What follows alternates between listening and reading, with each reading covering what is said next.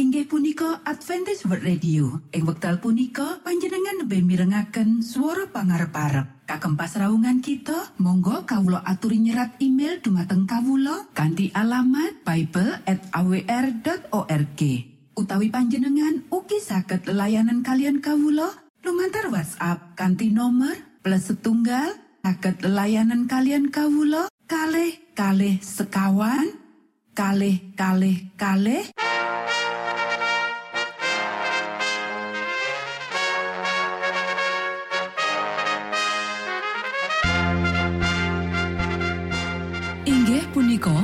Adventist World Radio ingkang giaran kanti basa Jawi.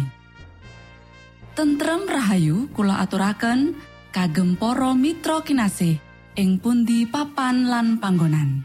Sugeng pepanggian malih kalian Adventist World Radio.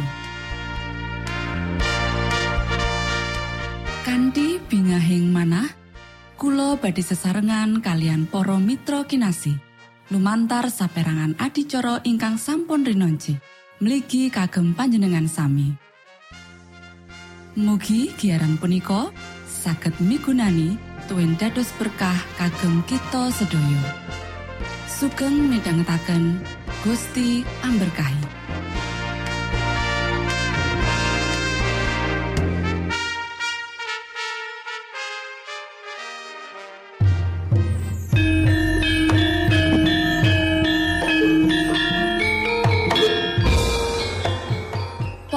Para pamirsa kinasih ing Gusti Yesus Kristus, ing wekdal punika kita badhe sesarengan ing adicara ruang kesehatan ingkang saestu migunani kagem panjenengan saha kita sami.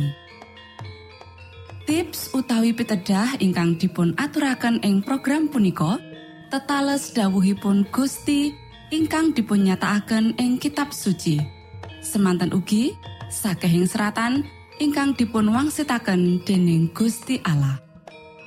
Nanging saderengipun monggo kita sami midhangetaken kidung pujian.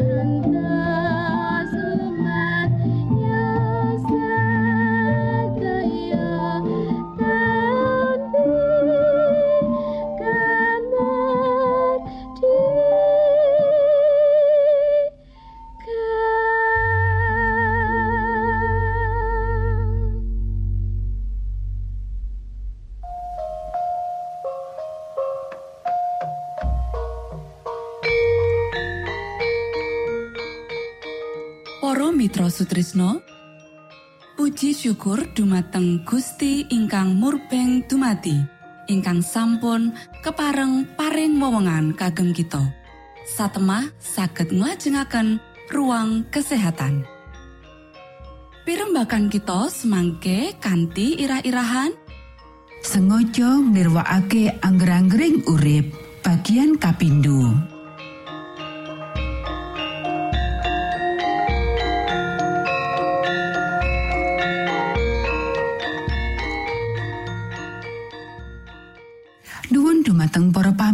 ingkang dahat kinurmatan sugeng pepanggian malih kalian kula Isti Kurnaidi ing adicara ruang kesehatan. Ing dinten punika kanthi irah-irahan sengaja nirwakake angger-anggering urip bagian kapindho. Para sedherek ingkang kinasih Wong tua nularake pakulinan sing ala marang keturunane satemah leloro-leloro sing kekirisi wis ngregeti getih lan ngrusak otak.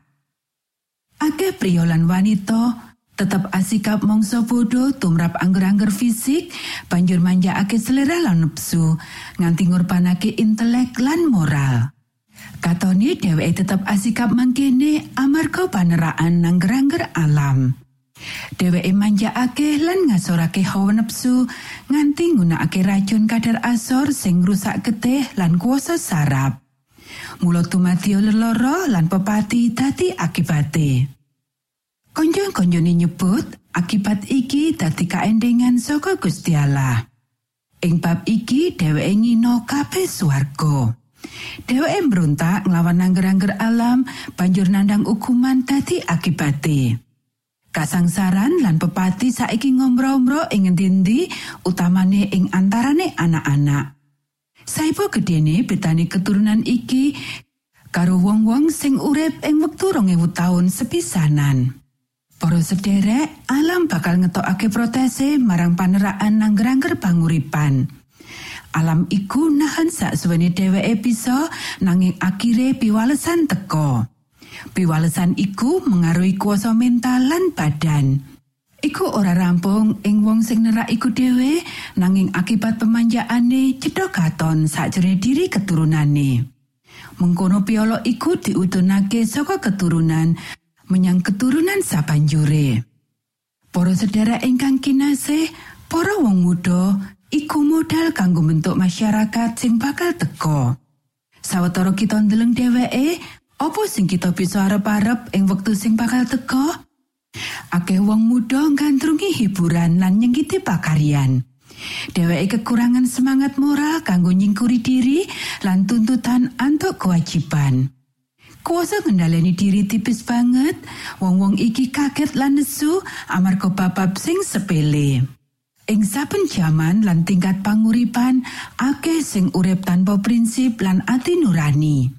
Kanthi pikiran sing males lan pakulinan borosake dheweke tumiba sakjroning kejahatan nganti ngregeti masyarakat nganti donya iki dadi sodom kapindho menawa selera lan nepsu ana ing sangisure panguasane akal sehat lan pengaruh akomo masyarakat bakal duweni aspek sing beda banget Para sederek Gusti Allah ora nate ngripta kahanan sing nyedihake kaya iki. Iki tumati amarga paneraan angger-angger alam kanthi awur-awuran. Para sederek marang akeh wong sing kasiksa sing wis nampa kasarasan, Sang Kristus paring dawuh. Koe wis mari, aja gawe dosa maneh supaya ing kowe aja tumati sing luwih ala. Mangkono panjenengane mulangake menawa leloro asale saka paneraan angger-anggering Gusti Allah becik sing alamiah utawa rohania. Sekirani menungso urip cocok karo rancanganing pangripta, kasangsaran ora bakal timbul ing donya iki. Para sederek, Sang Kristus dadi penuntun lan guru kanggo Israel jaman biyen lan panjenengane wis mulang dheweke menawa urip sehat iku ganjaran pamituhu marang angger-anggering Gusti Allah. Tabib Agung sing marasake loro ing Palestina sing ngendika marang umate saka tugu mega martakake uga marang dheweke apa sing kudu dheweke lakokake lan opo sing Gusti Allah bakal tindakake marang dheweke. Pangandikane menawa sira padha ngrungokake marang dawing Pangeran Yahua Gusti Allah ira kanthi temen-temen lan nglakoni opo kang bener ana ing paningale sarta nilingake kuping ira marang dawe opo dene tansah nindakake sakai katetepane mesti sira ora bakal sun ganjar sadengah leloro kang wis sun tantukake marang wong Mesir. Awitine ingsun iki Yehua kang nyarasake sira. Matur nuwun Gusti amberkahi.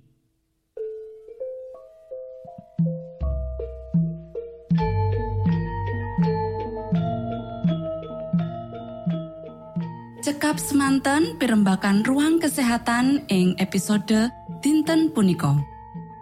Ugi sampun kuatos jalaran kita badhe pinanggih malih ing episode sak lajengipun.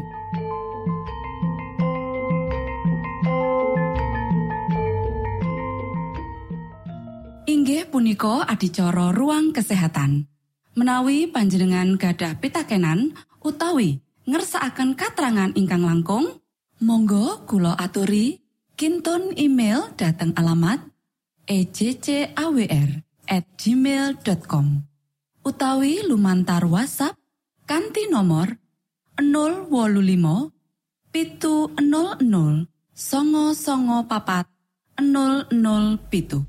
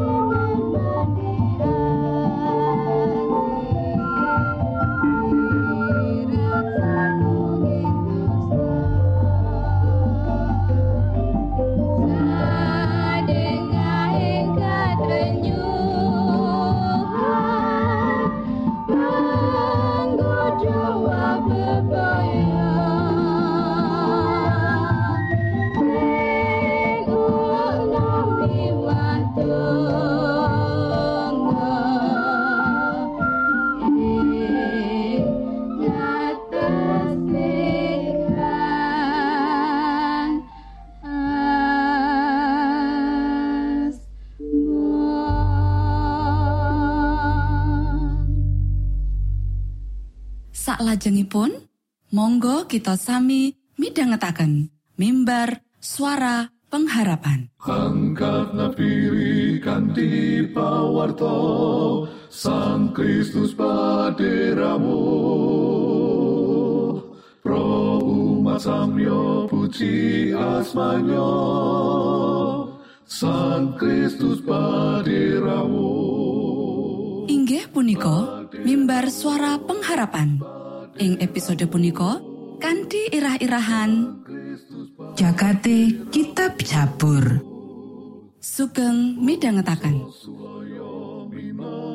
tondo Sang Kristus paderamu ilmu kawero tambah tambah. Sang Kristus paderamu paderamu paderamu Sang Kristus paderamu Shalom para sedherek ingkang kinasih wonten ing Gusti. Sakmenika kita badhe mitangetaken renungan Sabtu pangantikanipun Gusti. Ing dinten punika kanthi irah-irahan Jakate Kitab Jabur Para sedherek ingkang kinasih ayo diwaca kitab Sabur pasal 16 ayat 8 Aku tansah madhep marang Sang Yehua menawa panjenengane jumeneng ana ing tengenku Aku mesti ora nganti kego. Sabur pasal petang papat ayat songo. Nanging sapunika kawula sami patuko kipataken sarta patuko kendel kemawon. Kawula sami kawirangan. Patuko boten miyos ngirit lampahing wadya polo kawula. Sabur pasal petang ayat loro. Gusti Allah iku dadi papan pangayoman lan karusan kita. Nyata banget kang mitulungi sakjroning karubetan. Sabur pasal seket pitu ayat telu. Gusti Allah muga karsawa utusan saka ing swarga ngluari aku lan mirang-mirangake wong kang ita-ita aku. Selah. Gusti Allah muga karsawa ngintonake sih kadarman lan kabenerane. Para sedherek ingkang kinasih, jagate kitab sabur sakabehe punjere ana ing Gusti Allah. Budidaya kanggo masrahake ing pandonga lan pepujen sakabehe pengalaman urip marang Gusti Allah. Gusti Allah minangka pangripta kang kuwasa, jagat lan hakim saindenge jagat. Panjenengane wis nyawisi samubarang kanggo para putrane. Gusti Allah kudu diandelake ing saben wayah. Malah para mungsuhe umating Gusti padha takon, "Allahmu ana ing endi?" nalika umat Gusti Allah katon gagal. Kita bisa maca ing kitab Sabur pasal petang loro ayat 11. Para sedherek ingkang kinasih, kaya dene Gusti Allah iku minangka Gustine umat kang tansah ana lan tanpa gagal, mangkono uga umating Gusti tansah nduweni Gusti ing ngarepe wong-wong iku. Pungkasane kitab sabur mayangake nalika sakabehing bangsa lan titah bakal manembah marang Sang Yehwa Allah. Kita bisa maca ing sabur pasal petang pitu ayat siji lan sabur pasal swidak papat ayat 10. Para sedherek ingkang kinasih, punjere Gusti Allah ana ing panguripane manungsa. Nuwuhake punjer pangibadah marang Gusti Allah. Pangibadah sing dilakokake para juru Mazmur dasare beda saka pangibadah kang dipahami karo manungsa saiki. Merga pangibadah jroning budaya Alkitabiah minangka punjere alami lan ora bisa diselai ing kabeh urip masyarakat. Mula saka iku, samubarang kang kelakon, becik utawa ala ing panguripaning umating Gusti mesti diwedharake ing pangibadah. Gusti Allah mitangetake juru Mazmur ing ngendi wae lan paring wangsulan ing wektu kang sampurno. Sabur pasal telu ayat 5, pasal wolulas ayat pitu, lan pasal rong puluh ayat pitu. Para sedherek ingkang kinasih, Juru Mazmur mangerteni menawa petalemane Gusti Allah ana ing swarga. Nanging ing wektu sing padha, Gusti Allah ana ing Sion, ing papan suci ing antarane umate. Gusti Allah ana ing wektu sing padha atuh lan cedhak ning endi wae lan ing pedalaman suci. Sabur pasal 11 ayat papat kadelikake sabur pasal 10 ayat siji lan kang kabeberake. Sabur pasal petang siji ayat rolas. Ing kitab sabur, sifat-sifat ing Gusti Allah kang sawangane eksklusif iki katon nyawiji. Para juru Mazmur mangerteni yen kacendakane lan kurang jembare ora bisa kapisahake jroning Gusti Allah kang sejati. Sabur pasal 24 ayat pitu nganti 10. Para sedherek ingkang kinasih, juru Mazmur mangerteni dinamika ketegangan spiritual iki. Kesadaran babakan kabecikan lan ngarsaning Gusti Allah ing tengah-tengah apa wae sing dialami sing watake pangarep-arep nalika ngenteni Gusti Allah cawe-cawe kepiye lan kapan wae panjenengane ngersakake makarya. Monggo kita sami ndedonga. Duh Rama kawula ingkang wonten ing swarga, asma patuko mugi kasucikaken. Kraton patuko mugi rawuh, Karso patuko mugi kalampahan wonten ing bumi kados dene wonten ing swarga. Kawula mugi kaparingan rejeki kawula sak cekapipun ing dinten punika. So patuko mugi ngapunten kalepatan kawula kados dene kawula inggih ngapunteni tetiang ingkang kalepatan dhateng kawula. Punapa dene kawula mugi sampun ngantos katantukaken dhateng ing panggoda nanging mugi sami patuko uwalaken saking piawon. Awit dene patuko ingkang kagungan kraton saha wiseso tuen kamulyan salami laminipun. Amin.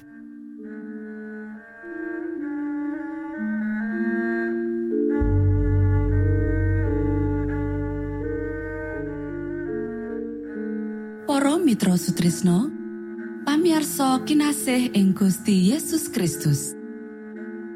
Sampun pariporno pasamuan kita ing dinten punika. Menawi panjenengan gadah pitakenan utawi ngersaakan seri pelajaran Alkitab suara nubuatan, Monggo Kulo aturi kinton email dateng alamat ejcawr@ gmail.com utawi lumantar WhatsApp kanti nomor 025 pitu 00 songo songo papat 00 pitu.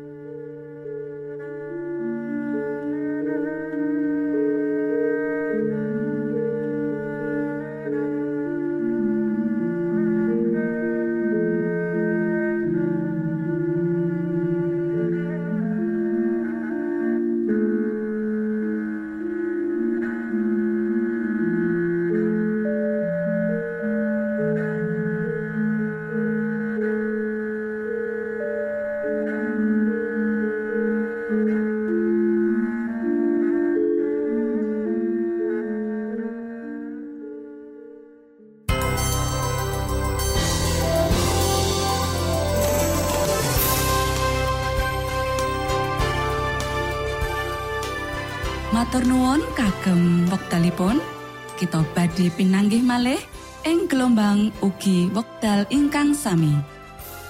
Saking studio kula ngaturaken tentrem rahayu. Gusti amberkahi kita sedoyo.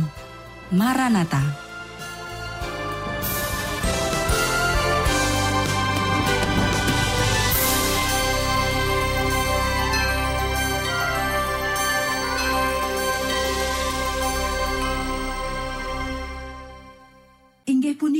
Adventist World Radio. Ing wekdal punika panjenengan lebih mirengaken suara pangarep-arep. Kagem pasraungan kita, monggo kawula aturi nyerat email dumateng kawula kanthi alamat bible@awr.org.